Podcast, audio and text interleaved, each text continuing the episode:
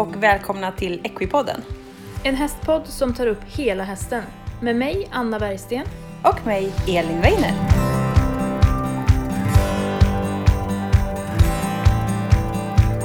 Hej alla lyssnare och välkomna till ytterligare ett avsnitt av Equipodden. Hej Anna! Hej! Oh, hej! Hur är läget? Det är bra tack. Jag är lite trött idag. Det är mycket Ja. att göra. Är, ja, lite trött. Mm. Du då? Ja men det får man vara. Det får man vara. Ja. Jag sitter här faktiskt och lyssnar på regnet för det hällregnar här. Och det är jättemysigt. ja. Jättemysigt. Riktigt sånt sommarregn. Då luktar det så gott efteråt tycker jag när det är mycket grönt och det är så här. Ja, och nu är det ju förmiddag. Mm. Eh, och eh, då tycker jag att det är härligt att jobba undan och sen så åka ut till hästarna och kunna ha några timmar där helt ostört. Just det. Och bara eh, rehabba sig själv. Mm, Eh, Vad heter det? precis. Sån här mental re- rekreation. Ja, det var någon som frågade mig en gång varför jag höll på med hästar. Ja. Och då sa jag att de är mina trådlösa laddningsstationer. Ah, Mm. du, det var rätt smart. Ja, för de är ju faktiskt det. Ja. Eller för, för mig så är de det. De bara skickar ut energi. Energi. Ja. Ja, precis. Det är jätteviktigt tror- att ha åter, återladdning på sig själv. Man glömmer lätt det i vardagen. Ja, och det är ju inte bara om man jobbar mycket utan alltså alla, alla måste ju ha en pysventil. Mm. Eh, och jag tror att det är viktigt att hitta sin egen pysventil. Om det är brodering eller löpning eller hästar eller vad det nu än må vara. Mm. Att man har en pysventil. Mm. Men Det är eller hur? jätteviktigt. Så kände jag igår. Det var så här. Det var jättemycket och det var lite stressigt. Och så jag fick en sån där. Jag bara shit jag måste ut och springa. Ja, men Jag det bara är måste ut. superbra. Ja, jag hade en period när jag sprang jättemycket. Mm. Och då blev min, min mentala bild av löpningen, det blev att allt det som jag hade i min kropp, Mm. ehm, det rann ner i benen och ut i marken. Och så lämnade jag där, när jag lyfte steget, då lämnade jag det som jag hade i min kropp. Oavsett om, alltså om det var problem eller om det var, det var någonting, Ja, oavsett vad det var. Så lämnade jag där i marken och så sprang jag vidare. Gud vilken härlig mental bild. Mm. Bara att det bara rinner ut. Mm. Det gäller inte att någon annan springer i dina fotspår och fångar upp det sen. Bara. Eller hur? Spring inte bakom mig. Precis. Idag har jag en dålig dag. Nej men det är ju så och jag menar man kan inte vara på topp jämt. Nej. Och det är ingen som kan kräva att man kan vara det heller och man måste hitta sina verktyg till att hantera motgångar, problem Mm. eh, men också framgångar för att det är Ja. inte så himla lätt att hantera jämt heller. Det gäller att kunna växa i kostymen Precis, precis. och hantera allt det. Och alla känslor är viktiga. Det blir lite Absolut. här psykologsamtal här. Men eh, det är viktigt att, att veta att är, man måste vara ledsen ibland och man måste ha lite ångest ibland och man måste vara glad. Och alla känslorna tillhör ju livet. Ja, det gäller att bara hitta saker som att man kan hantera dem. Mm. Ja. Dagens visdomsord här. ja, vi börjar där. Aha. Rätt in i idag avsnittet. ska, vi ju, idag ska vi ju prata om hjälptyglar. Ja. Det lite- kommer bli ganska så informativt kan vi säga. Att Mm. vi kommer väl kanske vara, försöka vara så onyanserade som möjligt. Ja. Hjälptyglar är ju generellt sett ett väldigt laddat ämne. Mm. Eh, olika personer har väldigt mycket olika åsikter både inom en viss gren och mellan grenar. Att, eh, att man, eh, om man generaliserar lite, att man antingen hatar det eller älskar det kanske. Att det verkligen kan vara eh, ytterligheter när det kommer till hjälptyglar. Ja, och det som man kan sammanfatta hela det här avsnittet med Mm. faktiskt. Det är väl att det är viktigt att allting används på rätt sätt. Ja, Det är ju den röda tråden i det här avsnittet skulle vi kunna säga. Ja, precis. Och Mm. Det som vi vill lite med det här, det är... Dels är det viktigt att ha grundinformationen. Jag pratar, när jag pratar på mina kurser och kliniker så pratar jag mycket om tömsättningar. Och då säger jag så här, för att du ska kunna välja vilken tömsättning du ska använda så måste du veta fördelar med den tömsättningen. Vad kan jag vinna med att sätta tömmarna på det här sättet? Och så måste du veta nackdelarna. Och, och då så pratar jag alltid om att vilka nackdelar finns. Vad kan hända? Vad kan gå fel med den här tömsättningen? Vilka fällor kan jag gå i? Och först när jag vet all fakta, då kan jag välja tömsättning på liksom, väl baserade grunder. Mm. Och det är mycket så i hästvärlden, även om jag känner att jag behöver hjälp av en hjälptygel.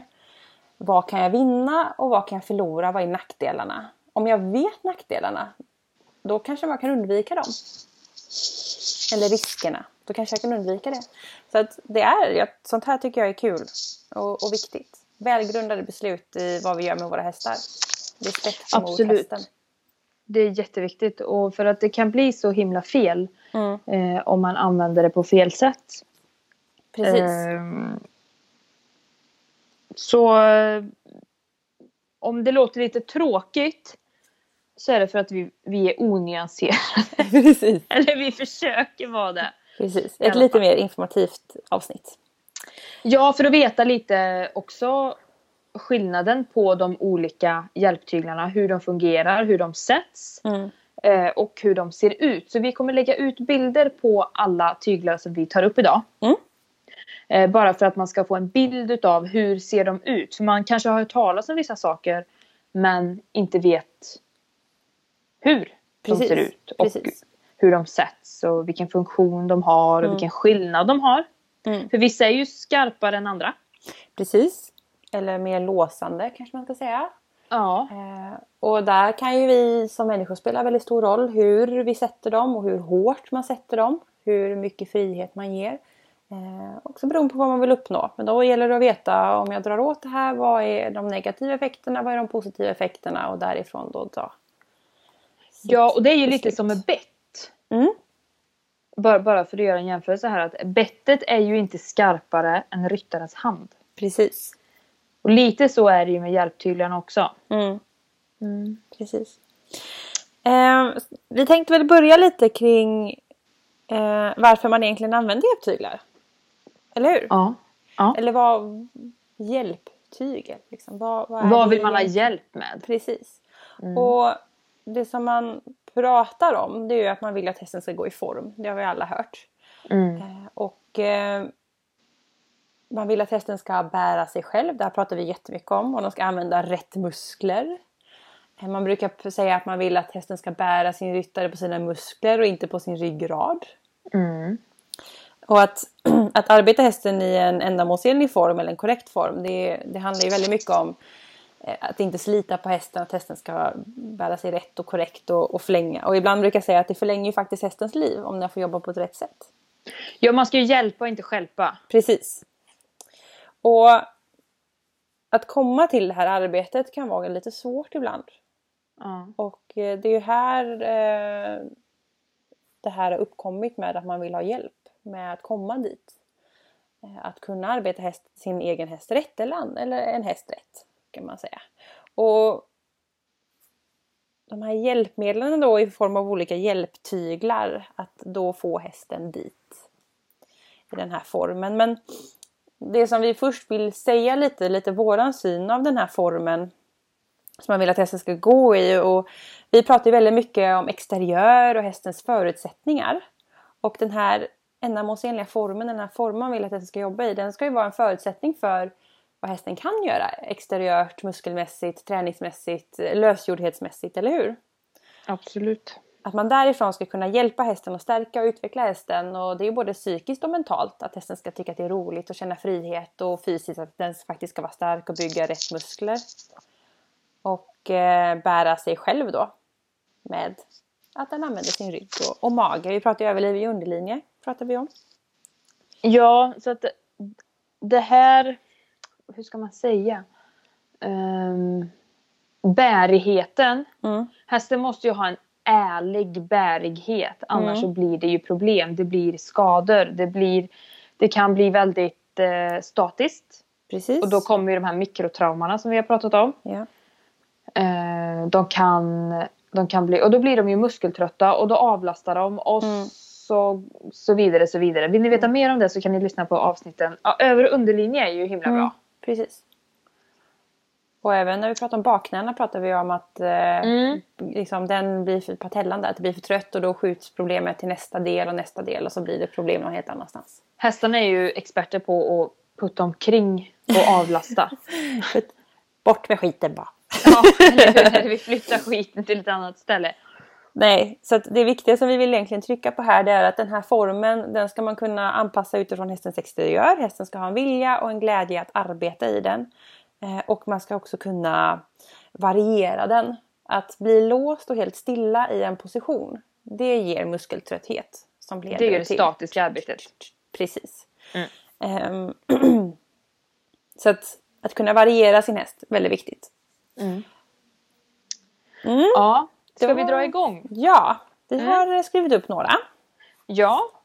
Eh, och vi kommer läsa lite. Och som sagt, alltså vi ber om ursäkt om det här blir lite lite väl informativt och fyrkantigt. Men det, är bara, det här är information. Mm. Det här är ett sånt typ av avsnitt. Vi är ju lite Ja. olika i våra avsnitt. Ja. Vi kameleonter, man får vara det. Ja, precis. Mm. Eh, då drar vi igång med martingall. Ja. Mm. Så jag kommer läsa lite varför och hur. Mm. Martingall används för att hindra hästens huvud från att höjas över en viss punkt och användas på hästar som har en benägenhet att gå med huvudet högt i luften. Och då får de ju den här underhalsen som vi pratade lite om Mm. innan vi började podda här. Vi pratade Mm. lite om underhalsar och, och, och så vidare. Mm. Eh, och den här fäster man alltså i sadeljorden. Och löper mellan frambenen. Ja. Eh, och sen så, så har den, den förgrenar sig i två lika långa remmar med ringar i Mm. ändarna. Mm. Jag tror att många, de flesta har nog sett en martingall. Mm. Eh, och i de här ringarna så ska ju tygen föras igenom. Så att tygen löper igenom ringarna. Mm. Så att när hästen försöker dra upp huvudet och tar det liksom stopp. Precis. Att det liksom, tygen liksom dras neråt. Eller ska Ja, precis. Mm. precis.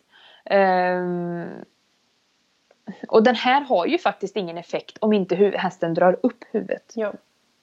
Och en... det här, den här handlar egentligen inte jättemycket om att hästen ska gå i en, eh, i en form, eller hur?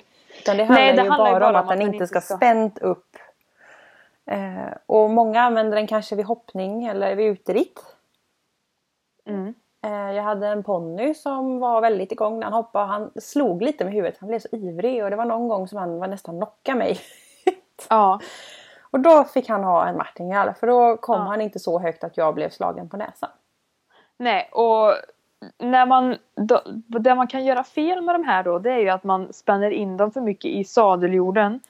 Så att de här lika långa remmarna som man för tygen igenom Mm. De kommer för långt ner och hästen Ja. kan inte arbeta i en korrekt form utan att de är nerspända. Precis. Eh, och då kan man ju, emot. ja precis, och man kan använda martingallen i hoppningen. Det, det är vanligt. Mm. Men har man spänt ner den för mycket då får ju inte hästen upp framkroppen. Precis. Och då river den. Ja. Så det är viktigt att ha den rätt inspänd och att den ska vara lös och bara ta till i de här extremt höga lägena. Ja, precis. Eh, så den är väl den är väl den som, som inte är inspännande. Kan man säga så? Mm. Den påverkar väl minst. Minst Ja. påverkan. Och den låser inte hästen till en viss form. Nej. Utan den, eh, som sagt, hjälper till att inte slå upp huvudet eller knocka ryttaren eller eh, så. Eh, Så den men vanligast tror jag vid hoppning och kanske uteritt. Ja, och sen så finns det ju, finns ju ren martingall. Mm. Och sen så finns det ju brösta med martingall och det finns även Mm. brösta utan martingall. Men där är ju en kombination. Ja, precis. Och skillnaden här på en vanlig eller en grundmartingall då sitter det bara en rem runt halsen. Eh, och bröstan då fäster man in i, i sadeln då. Ja precis. Uh, ja, man fäster ju, Uppe den alltså. vanliga martingallen fäster man ju i, i sadeljorden. Ja, och, Och- sen en ring runt halsen. Ja precis. Och bröstan sitter då mellan frambenen och sen upp eh, i framvalvet på sadeln. Ja precis. Vi kommer lägga ut bilder på allt det här. Eh, Mm. så att, ehm, Och annars när man lyssnar vi- på det här får man göra snabb googling. ja eller hur, man får kolla upp det. Nej men, men martingallen är ju ehm, Den är ju väldigt vanlig. ja. Och eh, precis. Väldigt vanlig. Och inte så inte så Den påverkande. inte, nej, den är inte så jätteavancerad. Så skulle man Mm, kunna säga. Om man inte spänner ner den för mycket. Då. Man, kan ju, man kan ju göra tokigt med den med. Men, men den är ju... Ja, Den, den påverkar ju bara hästen om, om hästen kör upp huvudet. precis. Mm. precis. Och eh, jag själv har använt den. Jag med. Och eh, min ponny där då. Ja. Jag använder den faktiskt i talande stund. Eller inte Ja. just nu men... eh, Inte men, hemma i soffan alltså. Nej. Men min skäck. ja. Hon har ju slått mig två gånger så jag tror att jag nästan bröt näsan. ja, visst. Eh, och ehm, då får hon ha den ibland när vi ska intervallträna eller sådär. Mm. För att då, då kan det bli eh, lite glatt. Precis. Och lite slående Ja. med huvudet. Men eh, så att den använder jag också. Mm. Faktiskt. Ja, det var den. Den lättaste. Yes! Den enklaste varianten. Det är väl egentligen inte så att... eh, Alltså det är ju en hjälptygel men inte ju ett eget kapitel brukar jag känna. Ja, precis. Den är lite light-variant. Så Ja. kan man säga. Ja, Ehm, och då har vi halsförlängare eller gummisnodd. Det är ju samma precis. sak. Som, Och det är ju ett elastiskt band Mm. som om man tänker att man har två krokar och så har man ett elastiskt band och så har man en, en eh, man har ju oftast en sån här inspänning. Man kan ju dra in dem mer än man kan ju Ja. ha dem naturligt sen kan man ha dem indragna. Ja precis, kort, kort, att man kan korta gummisnoden. Ja liksom. precis, Mm. precis. Och den här sätter man ju bakom hästens öron. Mm. Och så för man de krokarna där igenom bättringarna. Och man kan fästa gummisnodden eller halsförlängaren på två olika sätt. Mm. Man kan fästa den mellan frambenen, alltså i sadeljorden, precis så som man fäster martingallen. Mm. Eller så kan man fästa den igenom bättringarna men sen på sidan av bogen Mm. så finns det på sadeljordar och på longeringsjordar och tömkörningsjordar så finns det två krokar. Eh, Öglor. Öglor. Mm. Ja, för det, ja, precis. Jag tappar orden här. Ja. Ehm, som man kan fästa på sidan av sadeljorden. Mm. Vid, vid, vid um, stigbyggen kan man säga. Precis, vid, vid Mm. tårna. Precis. Så man kan fästa den på två helt olika sätt. Mm. Eh, och ehm, den här är ju elastisk. Det finns ju Mm. stumma också men, men gummibanden, halsförlängarna, de är ju elastiska. Mm. Så skulle hästen bara nej tack du, det är bra nu. Då kan den ju köra upp huvudet. Mm. Den blir ju inte låst riktigt på samma sätt. Eller vad tycker du? Nej, den har en större frihet än andra hjälptyglar. Ja. Eh, det har den. Eh, det man ska komma ihåg det är att, eh, eller det som halsförlängaren gör, det är att när hästen går för högt med huvudet så skapar den ett tryck över nacken ja. Vilket gör att hästen då sänker nacken, alltså sänker huvudet. Ursäkta. eh, och det är ju oftast där, då är det många hästar då som slappnar av i sin överlinje och sänker huvudet och kan då börja arbeta bättre med sin kropp. Det man ska komma ihåg det är ju att, att eh, formen börjar bakifrån och inte med att hästen tar ner huvudet. Så att här får ju ryttaren fortfarande göra hela grundarbetet med att få fram hästen. Om hästen Ja. ska ärligt gå på tygen.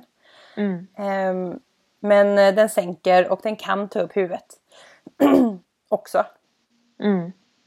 Det som kan vara en nackdel då det är hästar som blir lite spända eller stela och inte vill riktigt. Ursäkta jag måste dricka lite känner jag. Så, kanske. Mm. Det är ju att om hästen verkligen spenar emot så, så blir det ju ett väldigt tryck över nacken. Ja, det kan ju blir också det skapa spänningar. Och att hästen kämpar emot istället då. Ja. Och det ger ju trycket i munnen också i och med att den sitter bakom öronen genom bettet så blir det också tryck i munnen. Eh, Så här finns, där får man titta på sin häst. Slappnar den av och det känns bra, gummisnodden hänger. Eller spänner den emot och spänner den sig. Och här då kan man också variera hur mycket man spänner, hur, mycket, hur lång gummisnodden är. För och, gummisnoddar säljs ju i liksom one size så det passar ju på hästar på 1,80 och så till liksom en ponny. Eh, och då är det klart att tar man ponnyn då får man ju korta den bara för att annars så kommer den väl fastna runt knäna någonstans. Ja, precis. Eh, men titta liksom på hästen att eh, slappnar den av och allting bara hänger och, och hästen att man ser att hästen jobbar i en bra form. Eh, eller spänner den emot och är spänd. Mm. Då är ju inte lösningen att dra hårdare. Eller hur? Nej, absolut inte. Eh, och ehm, det finns ju en, vissa ridskolor sätter um, sådana halsförlängare på sina ponnys. Mm. När det är Eh, mindre barn. Ja, precis. Som inte har lärt sig Eh. riktigt allt ännu. Nej, precis. Och ehm, Ja, man, man kan göra på många olika sätt. Men när man fäster den eh, När man fäster den i sadeljorden till exempel. Mm. Då blir ju hästen mer neråt med huvudet. Mm. När man fäster den på sidan av sadeljorden då blir den ju lite mer, den lite högre i sin form. Mm.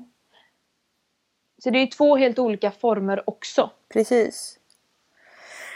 Ehm, en till sak att tänka på där det är att i och med att gummisnodden liksom sitter som den sitter så kan man inte ge någon eftergift.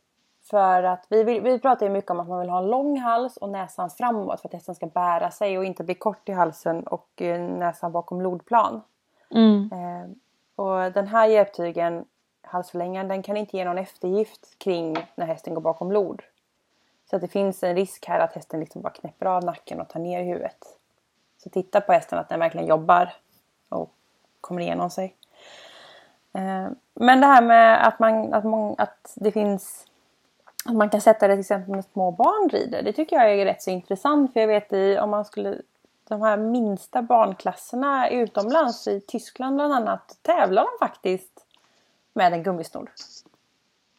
Och det tycker jag För ser- att? det tycker jag ser lite gulligt ut. Men det är han då, motiveringen till det har jag förstått är att eh, ryttaren lär sig hitta sin egen balans. Och det är bara fokus på ryttaren och inte fokus på hästen, hästens form och hästens arbete.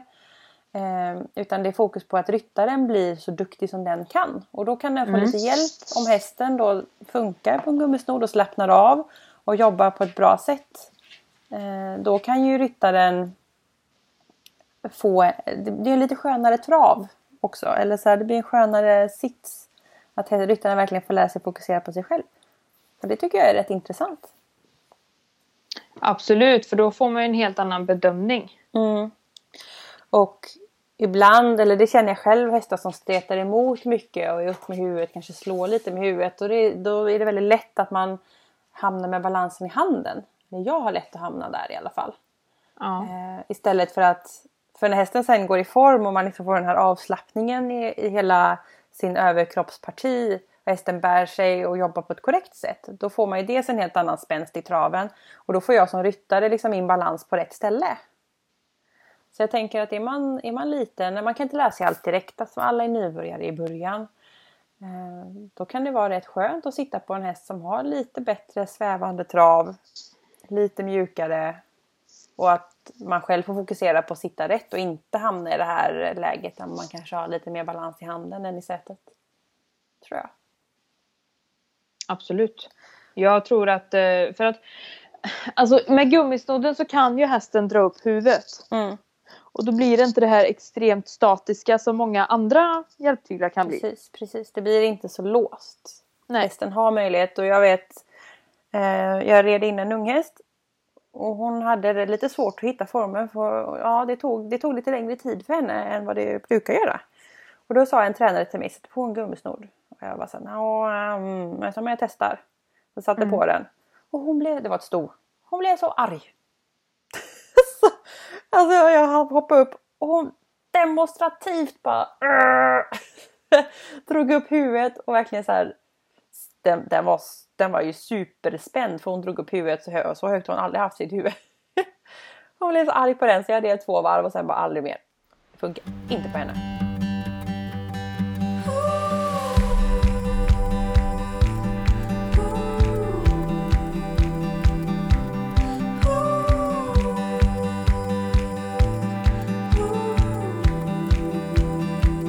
Okej, då har vi kommit fram till schabongtyger eller chabong. Det är väl vad man använder om man vill säga. Mm. Eh, och den här Den här fäster man mellan frambenen. Eh, I en, en sadeljord eller longeringsjord. Och sen så upp till ett nackstycke. Mm. Och här är det en ring på var sida av nackstycket. Och så genom ringen och sen ner till bettet. Mm. Eh, jag ska själv säga att jag har inte haft jättemycket kontakt med den här hjälptygen. Nej, inte jag Har du heller. haft det? Nej, jag har använt den. Mm. Men jag använder inte hjälptyglar jättemycket. Så Nej, jag... har faktiskt aldrig, aldrig använt den. Så jag har, jag har väldigt lite erfarenhet av den. Men, men så fäster man den i alla fall. Mm. Mm. Precis. Och det som den gör då, det, den skapar ju också ett tryck över nacken. Den är lite lik eh, halsförlängaren. Eh, skillnaden här det är ju att eh, liksom remmen som sitter i jorden mellan frambenen går direkt upp till nackstycket och trycker på nackstycket när hästen blir över tygen och blir för kort i sin överlinje. Då, då, när den är rätt inställd, lägga till då. Då Mm. kommer den att skapa ett tryck på nacken vilket gör att hästen vill sänka. Sen är det också så att det liksom går från nackstycket ner till bettet. Eh, en bettpåverkan vilket gör att eh, nosen här är väldigt fri. Mm. I halsförlängaren och som vi kommer att prata om nästa sen så är nosen väldigt begränsad och ganska låst. Och den kan också då i halsförlängaren lätt trilla bakom och där kan man inte göra någonting. Man kan inte hjälpa hästen att hitta fram för man kan helt enkelt inte, eller hästen kan inte ta fram näsan. Om, oftast. Nej, den sitter fast helt enkelt. Precis. Schabongen Mm. då har ju inte det låsningen eller att den trycker bakåt hela tiden. För på halsförlängaren så måste hästen kämpa emot ett bakåttryck. Men här har hästen fri möjlighet att ta fram näsan. Och Mm. det tycker jag är väldigt bra. Mm. Ehm, för att här har hästen en frihet och när den är rätt inställd så trycker den då när den blir för hög i nacken. Och när den arbetar med den förkortade överlinjen. Så att den är också rätt fri när den används på rätt sätt. Mm. Eh, Och en släkting till den då är ju nästa tyger, det är ju Gaug. Tror jag man uttalar det. Gaug. Ja, Gaug. jag har alltså sagt GOG. Men kärt barn har många namn eller ett okärt barn har många namn. Det är vilket som. Ja, ett Man svårt, kan säga på olika sätt. eller ett svårt ord. Ja. Många uttal. De här två är kompisar skulle man kunna säga. Precis. Mm. Så skillnaden här nu då på fästningen det är ju att om man tänker, det är ju från, eh, ja, du kanske är bra på att förklara hur den sitter Anna, du gör ju det så bra. Ehm, den här inverkar ju med både tryck på hästens nacke och bett. Just det. Och då har man som, den här har jag använt någon gång för länge sedan. Mm. Eh, då är det som en rem som man fäster i jorden. Mm. Och på den här remmen finns det öglor Mm. mm, i olika höjd. Mm. Och då har man, då fäster man en sak i, man lägger en sak i, i nacken. Mm. Och så har man två, eller ett långt band med två spännen på. Gud vad invecklat, vilket ordbajs. Men eh, jag kom, vi kommer ju ta kort på de här. Men då Ja. har man, det, går, det löper en lina genom en ring. Mm. Precis vid hästens öron. Mm. Och på, på, på den här linan så har man två knäppen i var sida. Mm. Och då fäster man ena, då löper ena halvan av linan genom bettet. Mm. Och den andra rakt ner över ganachen. Mm. Och så fäster man den någonstans i öglorna på den här remmen som man har Precis. fäst i jorden. Så sitter den om man ska förklara riktigt invecklat och göra det riktigt jobbigt för er som lyssnar. Ja, gör en googling på det här. Man kan Ja. tänka att det blir som en trekant framme vid huvudet. Nackstycke som är en punkt och så den här remmen då som kommer från, eh, eh, från mellan benen och sen bettet. Så Mm. den har ju tryckpunkter både i nacken och i bettet. Och den funkar ju lite på samma sätt som schabongen där med att den skapar tryck över nacken när hästen är över tygel och spänd. Det den också skapar det är ju det här tillbakatrycket eh, på näsan eller i bettet. Den skapar ett tryck Ja. där. Och de remmarna fäster ju också tillbaka till den här jorden som sitter, eller remmen som sitter mellan frambenen på hästen. Så här är näsan låst igen. Som halsförlängaren. Ja, här sitter man lite fast. Här sitter hästen fast. Och den, Mm. kan, den begränsar rörligheten väldigt mycket. Hästen Ja. blir det statiska arbetet. Ja. Så att den är lite mer låst. Den är lite mer låst ja. Mm. Och, ehm, det finns ju finns ju många olika, här finns ju många olika öglor att sätta i. Mm. Ehm,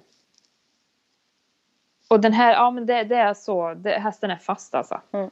Mm. Och då är vi där igen då och den ändamålsenliga formen. Vi vill kunna variera den. Det kan vi inte göra med en inspänning. eh, Eller de här inspänningarna.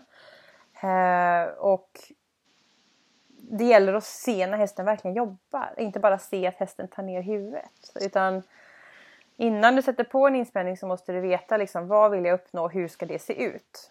Och sätta på och så knäpper man på ett visst sätt. Uppnår jag det som jag vill? Eller gör jag det Mm. inte? Gör jag det inte? Ja, kan jag behöva ändra knäppningen? Drar jag åt för hårt? Eller sådär. Och så se om man kan uppnå det man vill. Eh, med hjälptygel. Man ska alltid fundera på varför ska jag ha en hjälptygel? Eh, är viktigt att komma ihåg. Ja. Mm. Så de två, de ser man inte riktigt lika ofta. Så, tycker jag. Halsförlängaren är ser man ju rätt ofta. Mm, mm. Och, eh, nu har vi inte nämnt det men den här som jag kallar vanlig inspänning när det är två bara remmar som sitter vid sidan. Eh, de gamla är lite i läder och de finns i något, eh, något gummimaterial också. De ser man ju också rätt ofta. Ja. Och så har vi ju longerings... System. Just det, Det har vi inte varit bli- inne och nosat Nej. på men det, vi har ju det här Pessoa-systemet. Ja, precis. Eh, De blir ju mer och mer populära nu. Eller de har kommit Mm. senare år. Tycker jag. Ja, och så har vi den här longerings... Eh, tygen, longeringssnodden. Precis. Eller vad man ska säga. Ja, Att det den som eh, sitter eh, liksom en rem runt hela magen. Alltså typ eh, istället för jord och sen så mellan frambenen upp till bettet. Ja, vid armbågen och så upp i manken. Mm. Man kan säga.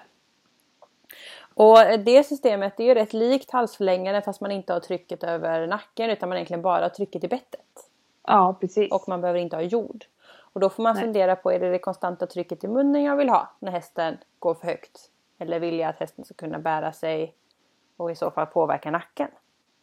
Mm. Det får man fundera Precis. Det, får, det kan man fundera på. på. Mm. Men nu har ju vi kommit fram till, jag tror det som är allra mest laddat. Tror inte du det? Ja. Det är ju Tideman-tygel ja. och eh, Gramman-tygel. Grammanen. Och de är ju nära släkt. Så Ja. därför håller vi ihop dem lite. Ja. ehm, de här är ju vanliga. Mm. Och Tideman-tygeln den tar ju emot när hästen går för högt med huvudet. Mm. Den fäster ju sadeljorden. Mm. Löper mellan hästens framben. Genom bättringarna. Mm. Och knäpps fast i fästet på tyglarna som du håller i. De vanliga tyglarna. Precis. Mm. Och det är ju grammanen då, den sätter ju på samma sätt. Fast istället för att låsa det eller sätta fast den på bettet så går den upp i din hand. Eller på tygen så går den upp Du i din ju- hand. De har Precis, två du har tyglar dubbla tyglar. Så att ibland väljer, eh, har jag förstått att man kan välja Tidemantygen istället för grammanen om man vill ha den effekten. Fast det är för svårt för ryttaren att ha två tyglar i handen. Ja. För det vet man ju själv. Jag vet att jag har ridit med två tyglar ibland. Alltså på ett bett. Ett kombinationsbett eller liksom sådär med, med två tyglar. Mm. Det är inte så himla enkelt. Nej, jag kommer ihåg första gången jag red på Kandar. Eh, Ja. jag fick, man fick banne mig träna, alltså det, det är inte lätt. Nej, det är inte lätt. Det är få- jättesvårt. Och den här finkänslan, ja nu, nu kopplar jag till Kandar då, men att man vill kanske jobba med bredongen eller med stången och att det liksom ska ändå vara i samma hand. Ja, det är jättesvårt och det är ju teknik och övning ger färdighet. Så är det. Mm, verkligen, verkligen. Eh, men de här två är ju kompisar och ehm, ja, vad ska vi säga om de här Elin? Ja, ja. ehm. När man rider med gramman så är det ju superviktigt. Om man skulle rida med gramman så är det ju jätteviktigt att kunna rida med den korrekt. Det måste Ja. jag få säga liksom. Att, Ja. att det är super, super, super, super, super viktigt. Eh, det är otroligt viktigt. Eh, för den, i och med att den löper fritt och man kan egentligen ta hur mycket som helst så finns det stora risker att man tar för mycket i grammanen och att hästen då, snäll som den är, kortar och kortar och kortar, hamnar bakom eh, och helt enkelt bara knycklar ihop sig själv. För det gör Ja. de för oss. Eh, och inte hitta den här näsa fram bärigheten, att den liksom bär sig med sin överlinje utan att den mer bara välter huvudet framåt och, och dimper bakom. Eh, det blir en ganska stor belastning i hästens mun. Eh, I och med att den eh, sitter fast i munnen. Eh, Ja. Och det kan ju då skapa ett obehag. Ja, och hästen kommer ju inte, kan ju inte ta vägen någonstans. Nej, den blir väldigt, väldigt låst. Ja. Och då är vi åter där igen, låst. Eh, kan leda Om- till muskeltrötthet som leder till stat, eller statiskt arbete som leder till muskeltrötthet som kan leda till mikrotrauman som då leder till skada. Eh, vi Om har man- den här man- kedjan med oss. Ja, den har vi alltid med oss i varje hjälptygel. Eh, Men man ska ju säga att hästen blir ju inte jättelåst om man rider med den på rätt sätt. Så Precis. ska vi säga. Den kan hjälpa om man är riktigt Ja, den duktig. kan hjälpa. Den är riktigt duktig. Mm. Eh, Det som, eh, jag är ju väldigt så här, i och med att jag är sån här naturvetare ute i fingertopparna så gillar jag ju forskning och man läser lite ibland. Och jag tittade lite på, man har gjort rätt mycket forskning på den här eh, tygen för den är väldigt populär. Den är väldigt populär. Och det som man ofta ser det är att eh, väldigt duktiga toppryttare sitter med den här grammantygen. Man ser dem ofta på prisutdelningar och man ser dem på framridningar. Mm. Eh, och då är det lätt att tänka men den är ju jättebra för att min idol använder ju den. Eh, och då ska man komma ihåg att eh, den där toppryttaren är ju otroligt skicklig. Ja. I och med att den personen kanske rider så här 10-15 hästar på en dag. Eh, och kan använda det på ett väldigt bra sätt. Men ehm, man gör mycket forskning då. Och eh, man har faktiskt sett att eh, att muskulaturen blir väldigt låst kring bogpartiet. Alltså hela bogpartiet upp, börjar rygg eller mankesområdet och halsen när man använder grammanerna. Att hästen blir väldigt, väldigt låst där. Mm. Man har sett det. Man har också sett att man får en mindre bakbensaktivitet.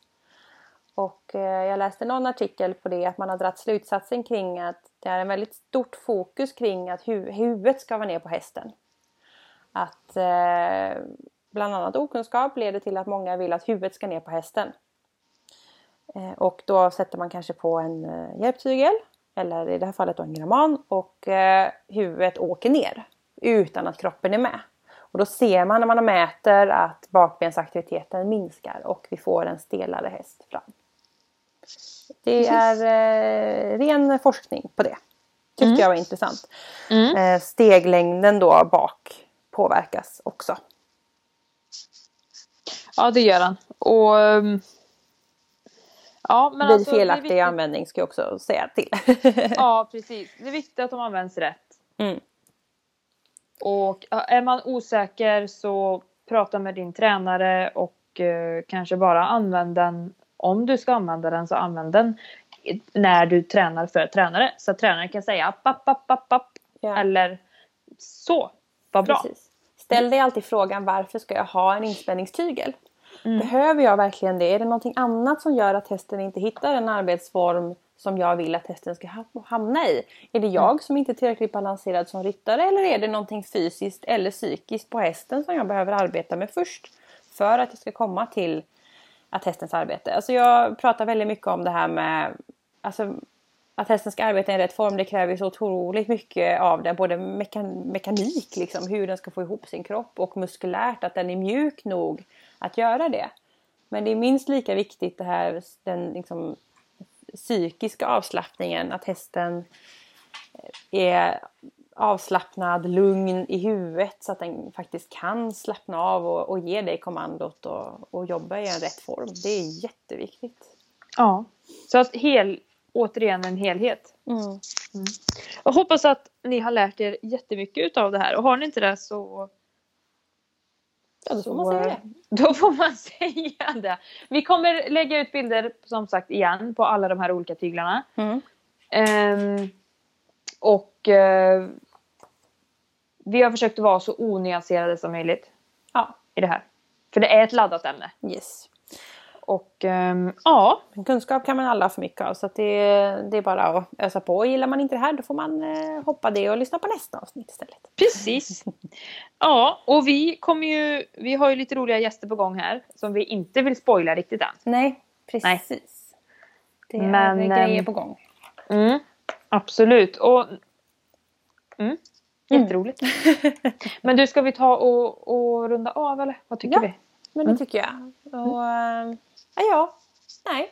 jag hoppas att det var ett bra avsnitt och så önskar väl vi er alla en jättebra vecka. Absolut. Och eh, ni får tag på oss via Instagram, Facebook, Equipodden. Yes. Och info... Mm. Nej, vänta. Jo. Jo. Info at equipodden.se. Alla mejlar inte sig själv så ofta hör man Nej, här. jag tycker, jag tycker inte om att mejla tydligen. eh, ha en jättebra vecka och så hörs vi. Det gör vi. Hej då! Hej då!